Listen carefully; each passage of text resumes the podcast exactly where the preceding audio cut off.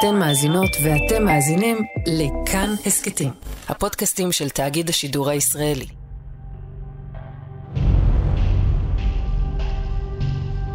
מרגריטה לוי הגיעה לאילת כמו אלפי צעירים אחרים אחרי צבא. זו הייתה תחילת הקיץ של 2003, ומרגריטה חיפשה עבודה בעיר הנופש כדי לחסוך כסף לפני לימודי פיזיותרפיה. ארבעה ימים אחרי שהגיעה לעיר, נמצאה גופתה בגינה ציבורית, עטופה בשמיכות מכף רגל ועד ראש וקשורה בכבלים. רק עשרים שנה אחר כך נחשפו הפרטים על השעה האחרונה בחייה והתברר שגם נאנסה. עד עכשיו לא היה אפילו קצה חוט בשאלה מה קרה לה ומי המפלצת שעדיין מסתובבת חופשי.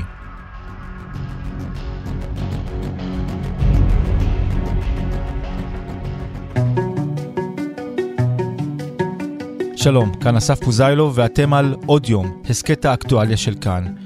והיום ניכנס לתוך מה שרובנו רק קוראים או רואים בסדרות מתח, ועבור קומץ של אנשים בישראל, זה יום עבודה נוסף במשרד.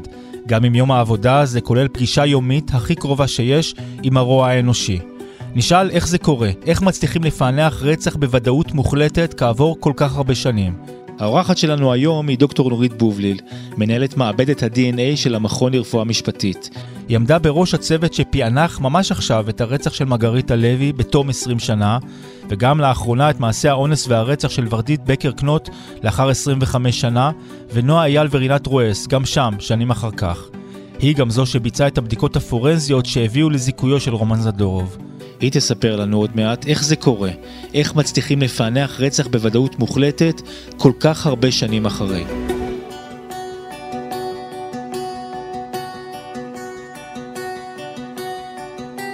שלום דוקטור נורית בובליל, מנהלת מעבדת ה-DNA של המכון לרפואה משפטית. שלום, שלום לכם, שלום לכולם. מנהלת uh, מעבדה ביולוגית במכון הפתולוגי, זה משהו שלקוח מסדרות של CSI, לא משהו שלרוב האנשים יש אליו קשר, אז מה את בעצם עושה? אה, אני עומדת אה, בראש מערך של צוות, שהיום שלנו מתחיל נגיד באוטו בדרך למכון, אם אני, יצא לי לשמוע חדשות ואני שומעת שיש אירוע דקירה נניח, או יש קורבן שנמצא מקרה מוות שהוא נחקר, אז ברור לי שבמהלך היום אנחנו כבר ניצור את הקשר עם החוקרים, עם חוקרי המשטרה. הם ייתנו איזשהו רקע על האירוע מבחינתם בנקודת הזמן הרלוונטית. בהמשך היום, או למחרת, או מקסימום ביום שאחרי זה, יגיעו, ל, אה, יגיעו למכון לרפואה משפטית ולמעבדה הספציפית שלנו מוצגים. יגיעו חפצים שצריך לבדוק אותם. ואנחנו נתחיל לבצע סדרה של בדיקות אה, DNA, שהמטרה שלהם בסוף תהיה לתת תשובה לחקירות. אה, מי האדם שנמצא באותן הדגימות, ובמסגרת אותן הבדיקות לייצר איזשהו קשר או מתווה של ההבנה של זירת האירוע. עכשיו, האירוע הזה יכול להתגלגל למשהו שהוא מאוד גדול, לתיק עם הרבה מוצגים. יש תיקים שנגמרים בצורה מאוד פשוטה, תלוי במה אנחנו צריכים לבדוק. טוב, פשוט התיק הזה בטח לא. מתי את מצטרפת לחקירת הרצח של מרגריטה לוי, ומה היה ידוע עד אז? הרצח של מרגריטה לוי הוא, כמו שאנחנו כולנו כבר אה, יודעים, זה תיק מ-2003. אני בעצם אה, מגיעה אליו לראשונה ב-2017. כשאני כבר נכנסת לתפקיד של אה, מנהלת המעבדה, והתיק הזה עולה שוב כבקשה של החקירות. זה דבר שהוא מאוד מאוד uh, שכיח. משטרת ישראל אמונה על פענוח של uh, תיקים שהם לא מפוענחים. יש תיקים שהם שגרה. רוב התיקים שאנחנו בודקים ביום-יום זה תיקים של השגרה, זה אירועים שקרו אתמול, שלשום. וכולי, אבל מדי פעם יש את הבקשות האלו. ב-2017 היחידה בעצם, מרחב אילת, הם היחידה שאמונה על החקירה הזאת, הם מעלים את הבקשה לראות מה ניתן לעשות. זה דבר שקורה לא מעט, שהיחידות מגיעות, בגלל שתיק שהוא לא פתוח, אה, תמיד יש אפשרות שבגלל ההתקדמויות, השינויים הטכנולוגיים וההתפתחויות שקורות בקהילה הפורנזית בעצם, יכול להיות שאפשר לעשות דברים בעת הזאת שלא ניתן היה לעשות בעבר. וזה מה שקרה כאן. מה הבעיות שהיו בתיק הזה? התחיל אולי דווקא יותר רחוק, צעד אחד רחוק יותר מהנושא של ה-DNA. המקרה כמו של מרגריטה לוי, זכרה לברכה, אה, בעצם מתגלית גופה. המקום שבו היא מתגלית זאת לא זירת הרצח. זאת אומרת, כבר יש פער בשאלה של איפה זה קרה. ברגע שאין קשר לאיפה זה קרה, גם כל האפשרויות בעצם פתוחות. אתה, אין שום נקודת מוצא למי עשה את זה, מה הוא עשה, איפה הוא עשה את זה.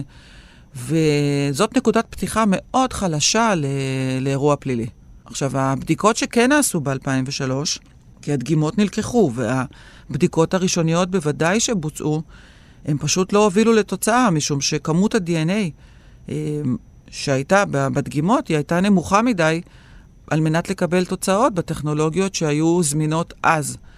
והמציאות הזאת, שככל שהטכנולוגיה משתפרת והיכולות עולות, זה אומר, המשמעויות הן שגם דגימות DNA שהן באיכות מאוד נמוכה ובכמות מאוד נמוכה, ניתן להצליח. כדי להסביר, יש איזו תפיסה לפעמים בקרב הציבור הרחב, כמו שאתה אמרת, רוב האנשים באמת לא יודעים איך זה עובד, הם גם לא אמורים לדעת. יש איזו תפיסה שהיא קצת נאיבית, שאם יש uh, דגימה ויש DNA, אז תהיה תוצאה. Uh, זה לא, זה לא עובד ככה. ועוד תוצאה מאוד ספציפית, זאת אומרת, את מוצאת למשל טיפת דם ויודעת בדיוק למי היא שייכת, שם זה מתחיל ונגמר. ואת אומרת, זה הרבה הרבה יותר מורכב. נכון. יש מצבים שבהם באמת יש כתם דם ויש סכין, ואנחנו רואים עליו דם, ודוגמים את הדגימה הזאת, ובדם יש הרבה DNA, ומתקבלת תוצאה מאוד uh, uh, ברורה. הכוונה שלי, תוצאה ברורה, זה פרופיל של אדם אחד בלבד, אה, תוצאה שהיא מאוד גבוהה, היא מאוד אה, אמינה, היא מאוד מהימנה. ואז מקרה כזה, יש חשוד, אפשר להשוות אל החשוד, ואם אכן יש התאמה, בזה זה נגמר. אה, זאת מציאות שהיא קיימת, אבל היא בטח לא כלל הדגימות, והיא בטח לא האפשרות היחידה, כי בהרבה מאוד מהדגימות, נגיד שאין כתם דם. אתה בכלל לא יודע אם יש עליו חומר כלשהו. יש uh, פיית בקבוק. האם מישהו שתה מהבקבוק? האם יש עליו DNA? אולי שני אנשים שתו מהבקבוק? אולי שלושה? אולי מישהו בכלל... זאת אומרת, האפשרויות הולכות ומתרחבות. הבעיה בדרך כלל בתיקים, בחלק מהתיקים הפליליים, זה שגם אם יש DNA, הכמות שלו היא מאוד קטנה, והאיכות שלו היא מאוד ירודה. שאלו נתונים שהם אופיינים לתחום שלנו, לתחום הפלילי. בקופת חולים, כשאדם הולך ונותן uh, דגימה, אין בעיה של זמינות החומר הגנטי, אין בעיה של איכות החומר הגנטי. זאת אומרת, שרשרת ה-DNA היא מלאה, היא ארוכה, אפשר בעצם לבחור איזה חלק ב-DNA רוצים לשכפל, וזה יעבוד מבחינה טכנית, זאת לא תהיה בעיה. זה רחוק מאוד מהמציאות שאנחנו חווים, כי הדגימות שאנחנו מקבלים אה, יכולות להיות אה, אה, רכב שנשטף ונוקה, סכין או בגד שעבר כביסה, אה, חפצים שניסו בצורה מאוד אינטנסיבית להעלים את הכתם, ואז לא נשאר כלום, או שנשאר מעט מאוד, חפצים שנאספו מבחוץ, ואז בכלל השמש לדוגמה הכתה, או הגשם ירד, כך שהשלדים שמגיעים אחרי כרסום של בעלי חיים, זאת אומרת, האיכות החומר הגנטי בדגימות, הם, אה, הם מהוות את ה, אולי את האתגר הכי גדול, כי הם יכתיבו את השאלה האם ה-DNA הזה הוא בר שכפול, ואני אגיד עוד משפט אחד ברצף הארוך הזה, mm-hmm. שאפשר לשכפל כמעט כל כמות של DNA. זאת אומרת, כמו שלפעמים שואלים, אומרים לי בהרצאות, מה זאת אומרת? אבל אפשר לשכפל DNA של הדינוזאורים, כן? של האדם הניאנדרטלי, אז מה, אז את לא יכולה לשכפל DNA משלד? אפשר לשכפל אותו. הבעיה היא שכשה-DNA הוא בכמויות מאוד קטנות והוא מאוד מפורק, הוא יהיה, אם אני אפעיל עליו מה שנקרא עוצמה, אה, גדולה מדי של תהליך שכפול ה-DNA, אנחנו נקבל תוצאות שהן שגויות. לא קצת שגויות, מאוד שגויות. ואז אפשר חלילה להרשיע את האדם הלא נכון. חס ושלום. ולכן המעבדה, המעבדות אה, DNA בתחום הזה שמות לעצמן מגבלות מאוד קשות. זה לא שאי אפשר לקבל תוצאה. אי אפשר לקבל תוצאה מהימנה. וזה הבדל מאוד מאוד משמעותי.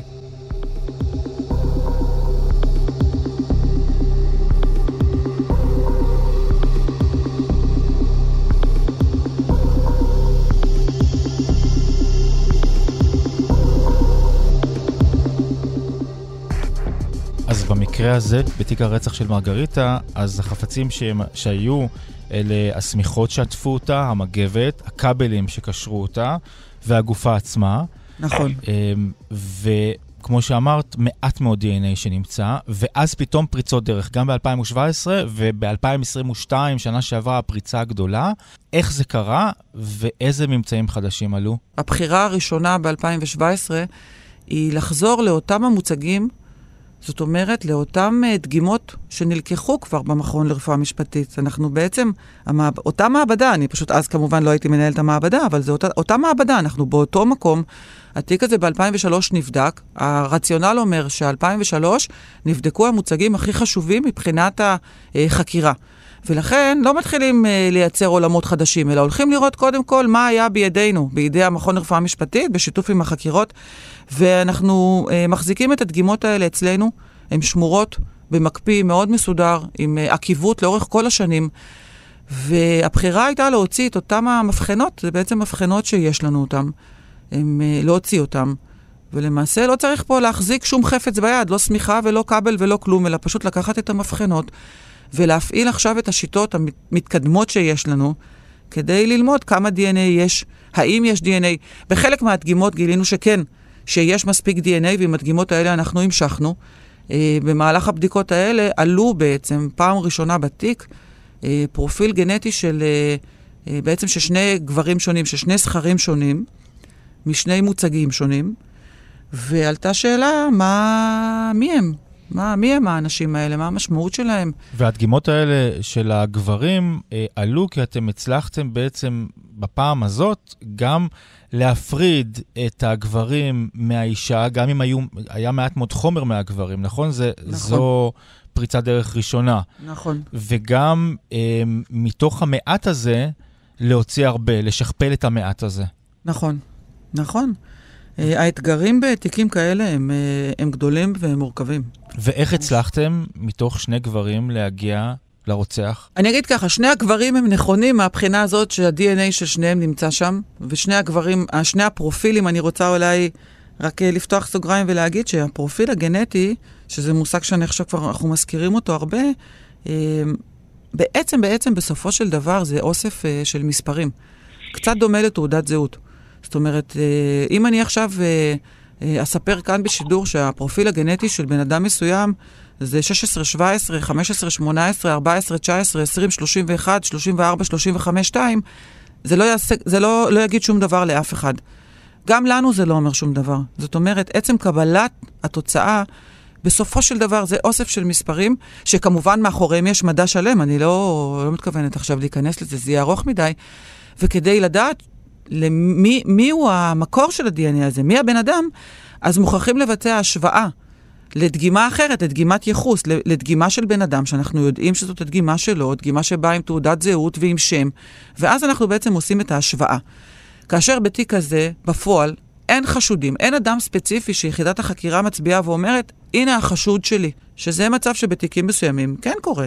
בחלק גדול מהתיקים, יחידת החקירה מגיעה תוך זמן קצר לבן אדם על בסיס מידע מודיעיני, ואומרת, זה הבן אדם, הוא החשוד.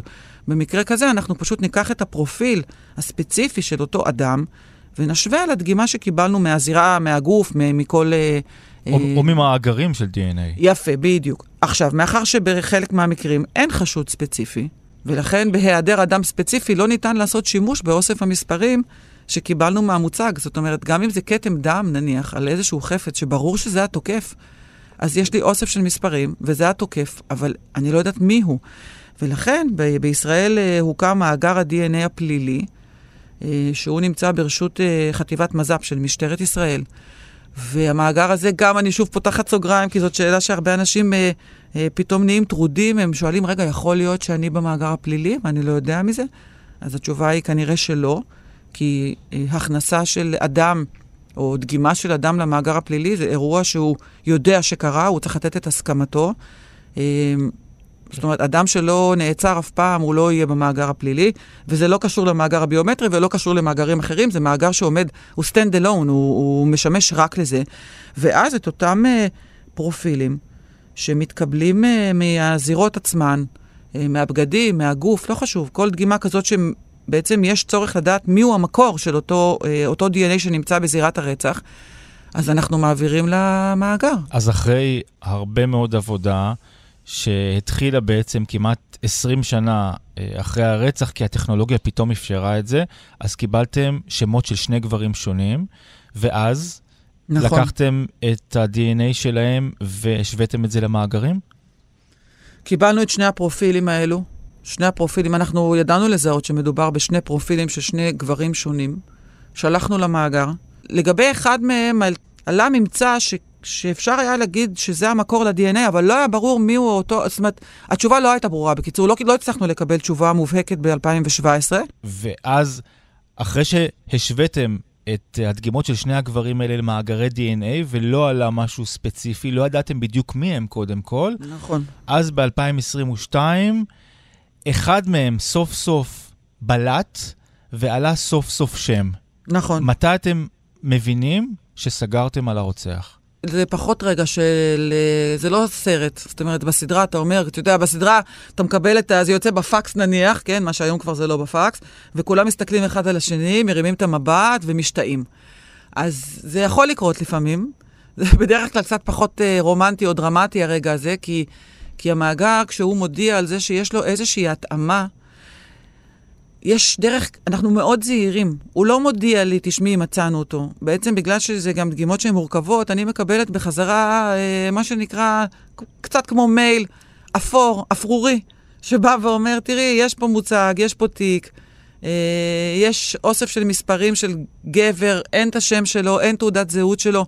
ו- ובעצם המאגר אומר, אנחנו מצאנו מישהו, אני רוצה שאת תוודאי ותאשרי שאכן זה הממצא שאת שלחת. זאת אומרת, התהליך הוא בסוף הולך לבירוקרטי. כשאנחנו משווים, פתאום אתה קולט את המספר של התיק, פתאום אתה קולט את המוצג, פתאום אתה, מה שנקרא, אנחנו מתחילים להיות יותר דרוכים. אני רוצה להגיד לטובת הקולגות שלנו במאגר שהם דרוכים באותה מידה. זאת אומרת, אנחנו יושבים משני צידי הקו של ה... זה יכול להיות בטלפון, משני צידי המייל, ואנחנו מתחילים אה, לבדוק. את אותם המסמכים שהם מעבירים, לוודא האם באמת אוסף המספרים שמגיע מהמאגר אלינו, הוא כבר מגיע עם מספר דגימה. זאת אומרת, זה לא מספר תעודת זהות, זה לא מספר שמזהה את הבן אדם, אבל זה כבר מספר מזהה, שאומר, מאחורי המספר הזה כבר באמת יש שם ותעודת זהות.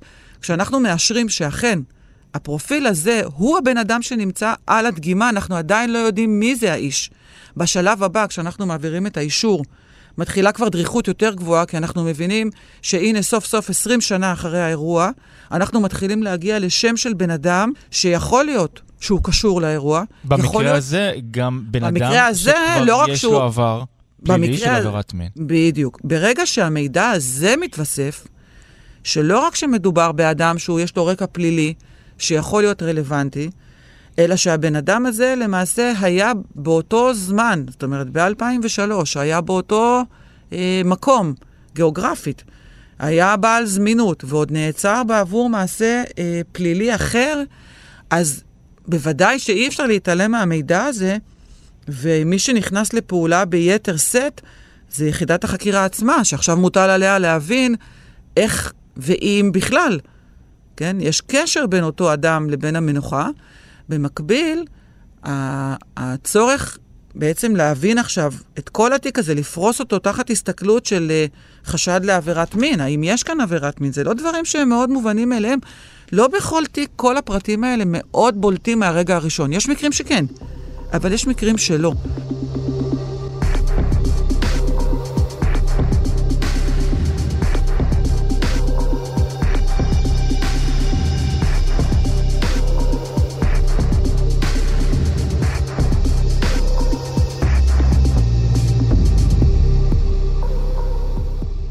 אז אחרי שבעצם הבנת שיש לך את סמי אבו אל-אסל, ומי הוא, ושכל הראיות, גם של היחידה המשטרתית, מגבות את כל מה שאת מצאת, וזה הבן אדם, מה הייתה התחושה? עכשיו אנחנו מדברים מסוף האירוע, לפחות לאחר סיום הבדיקות. כשהשם הזה עולה, אנחנו מבינים שיש כאן, בנקודת זמן, שיכולה להפוך להיות פריצת הדרך לסיום הפרשה הזאת, שזה מה שקרה הפעם. מצד שני, זה מאוד חשוב להבין, שאנחנו כגורמי מקצוע, אני לא יכולה להחליט בנקודת זמן כזאת, שזה בעצם ההתאמה הראשונית. אני, אי אפשר ואסור ליפול למלכודת הזאת של להגיד ברגע הזה, אוקיי, אז בטוח שזה הוא. לא, לא. אסור לנו, כי ההטייה הזאת היא עלולה לגרום לנו לפעול בצורה שהיא לא נכונה. אני מתייחסת בזמן, כשהממצא הזה מופיע לראשונה, אז מה שברור שיש כאן איזשהו פוטנציאל. ייתכן אני אומרת את זה באופן מפורש, ייתכן שהגענו לתוקף, ייתכן שלא. צריך להשלים כאן את הבדיקות. כאשר אנחנו מדברים בנקודת זמן שהיא כבר חודשיים או שלושה חודשים לאחר מכן, כי החקירה הייתה סמויה במשך זמן ארוך, כשאנחנו ממשיכים לבצע בדיקות ומוציאים עכשיו, זה היה ב-2022, אחרי שהשם שלו בעצם עלה, אז מתחילות דגימות נוספות, אנחנו מתחילים לחפש ולמצוא ולאתר בעצם את האפשרויות למפות ולמצות את ה-DNA ממוצגים נוספים. והמגוון, או בעצם ה... היכולת לקבל תמונה רחבה יותר, שמתבססת כבר לא רק על אותו מוצג אחד שנדגם ב-2017 ועלה בהתאמה, כבר, זה כבר לא מוצג אחד, כבר מתווסף מוצג שני, ומתווספת דגימה שלישית, ומתווספת דגימה רביעית. אז במקום הזה, אנחנו ברמת ה-DNA בתיק, אנחנו יודעים לבוא ולהגיד, האיש הזה קשור לאירוע. הוא קשור לאירוע. מה בדיוק קרה? מה נעשה? איך זה נעשה? למה נעשה? אני לא יודעת, זה גם לא התפקיד שלי. יש משהו שהוא... בניגוד לסרטים ולסדרות, שבעצם אתה כמומחה לוקח על עצמך את כל התיק, מסתכל למצלמה ואומר, אני פענחתי את התיק. המציאות היא לא, אני לא מפענחת את התיק, זה לא התפקיד שלי. וכשאת יודעת היום שזה ככל הנראה הבן אדם, כל הבדיקות המדעיות שלכם מצביעות על זה, זה תומך בכל חומרי החקירה, נכון. מה התחושה? זה רגע מזוקק של, אה, של, אה, של סיפוק וגאווה. אנחנו מאוד מאוד אה, זהירים בעבודה שלנו. וכשבסוף הכל מתלכד לאיזושהי תמונה שהיא נתמכת, זה לא רק הדגימות ב-DNA, אתה יכול לעשות בדיקת DNA והיא תהיה מאוד מהימנה, אבל היא תלושה, מה, היא תלושה מה, מההבנה הכללית, אתה לא מבין איך היא תורמת, זאת בעיה. כשהתמונה מסתדרת, ופתאום אתה מבין איך התמונה, איך כל הממצאים הפורנזיים, הרציונל שהפעלנו, שיקול הדעת שהופעל, הטכנולוגיות, המדע, הניסיון שלנו, היכולות, וגם אני אגיד עוד מילה, המאמץ, קשה מאוד להסביר, וגם, אני חושבת שלא צריך, זה לא מעניין, אבל יש כאן הרבה מאוד מאמץ. גם במאמץ של חשיבה, גם לתת לוחות זמנים, גם לאפשר את המדע. אנחנו לפעמים עוצרים רגע וחושבים לאן הולכים עכשיו, איך מפרקים את התערובות האלה, לאיזה מוצג צריך ללכת. כשהכול בסוף מסתיים, אתה יכול להסתכל רגע אחורה ולהגיד, אנחנו אשכרה, אנחנו עשינו את זה. המעבדה הזאת הצדיקה את המוניטין שלה, את הניסיון שלה, את היכולות שלה, את המקצוענות שלה, וגם את האהבה. יש לנו אהבה למקום הזה, לתפקיד שלנו. אני בא לי להגיד לא אהבה לקורבנות, אבל אתה יודע, יש לנו יכולות, וכשאתה מצליח לממש אותן ולעזור, אנחנו, בעצם העבודה הזאת, בעצם אנחנו עוזרים. נכון שזה לא נמצא בחזית, אנחנו תמיד נהיה מאחורי הקלעים, אבל אז מה? אנחנו בכלים שלנו ובאווירת הצוות, יש במכון, במעבדה הביולוגית, במכון לרפואה משפטית, אווירת צוות ייחודית, באמת של אהבה ותמיכה. אני יודעת שאם אני נתתי הנחיה, הם יעשו את זה בול. המומחים בינם לבין עצמם יעזרו אחד לשני, טכנאי המעבדה יעשו כל מה שצריך, הם יעשו את הכל. וכשהדבר הזה מתלכד בסוף, אז יש רגע של להסתכל ולהגיד, אנחנו הצלחנו לעשות את זה, מפה והלאה זה ילך לפרקליטות, ובית המשפט בסוף יחליט את מה שהוא יחליט. התיק הזה הוא מאוד מורכב, הוא לא תיק פשוט. אבל את החלק שלנו עשינו, וזו זכות. בסופו של יום, אם אני צריכה למקד את זה או לסכם את זה במילה, זאת זכות לעשות את העבודה הזאת.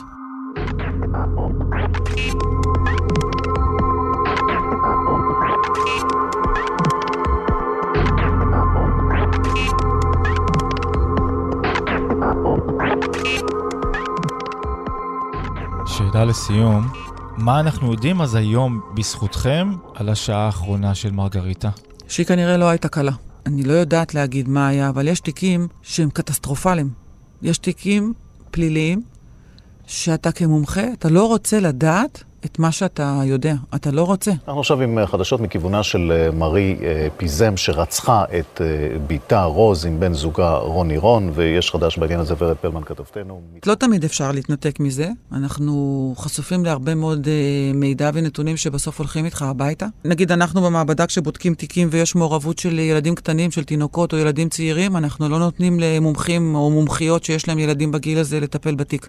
כי זה קרוב מדי. מרגריטה הייתה בגיל של... אה, הבנות שלי מתקרבות לגיל הזה. אתה לא יכול לא להימנע מהמחשבה הזאת כהורה, סתם כאדם. זאת אומרת, ה... הידיעה הזאת ש... שאירועים כאלה יכולים לקרות, זה... מצד אחד, אנחנו ודאי שיודעים את זה, מצד שני, אי אפשר לקחת את התיקים האלה איתך הביתה, כי אז אי אפשר להחזיק מעמד בעבודה הזאת. חייבים לשמור על איזשהו מרחב, איזשהו מרחק. יש תיקים שפורצים את זה, שפורצים את כל מעטפות ההגנה שלנו. אסון אה, נחל צפית, הוא פירק את כל מי שהיה מעורב בו. אי אפשר היה להתנתק מהם, אי אפשר, אנחנו נזקקנו לטיפול פסיכולוגי מיידי. תשע נערות ונער. כן, תשע נערות ונער, אי אפשר היה להכיל את זה. אי, אי אפשר, אני אומרת את זה, זה פשוט כאילו אירוע ש... אני מדברת עליו עכשיו, אני כאילו מרגישה שבא לי לבכות. אה, רוז פיזם, שעשינו, זה תיק שהוא כל כך ישן, אבל אני חושבת שרוב אה, אזרחי מדינת ישראל זוכרים את רוז פיזם. זה תיק שאתה לא מסוגל להשתחרר ממנו. שנים אחר כך, אתה לא יכול ללכת מהידיעה שכאילו זה לא היה צריך להסתיים ככה. אולי זה מה שמשותף גם לרוז פיזם, גם לנחל צפית. יש מלא אירועים שאני יכולה להזכיר אותם, שאתה אומר, זה לא היה צריך לקרות. אלה אירועים שפשוט לא היו צריכים לקרות.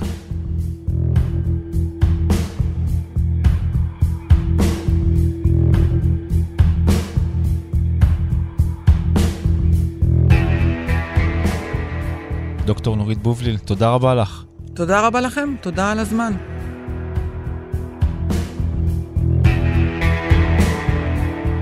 האזנתם לעוד יום. עורך יותם רוזנבלד, עיצוב קול ומיקס אלעד זוהר, ביצוע טכני שמעון דוקרקר וצביקה בשבקין. עורך עוד יום, דניאל אופיר. היה לכם מעניין? נשמח אם תשתפו את הפרק. אם אתם מאזינים לנו בספוטיפיי או באפל פודקאסט, נשמח אם תיתנו לנו דירוג גבוה. הערות על מה שאמרנו, אתם מוזמנים ומוזמנות לכתוב בקבוצת כאן הסכתים בפייסבוק, אפשר גם בחשבון שלי בפייסבוק או בטוויטר. פרקים חדשים של אודיום עולים בכל יום ראשון, שלישי וחמישי. את כולם, וגם הסכתים נוספים מבית כאן, תוכלו למצוא בכל מקום שבו אתם מאזינים להסכתים, או באתר כאן, תאגיד השידור הישראלי. כאן אסף פוזיילוב, נשתמע.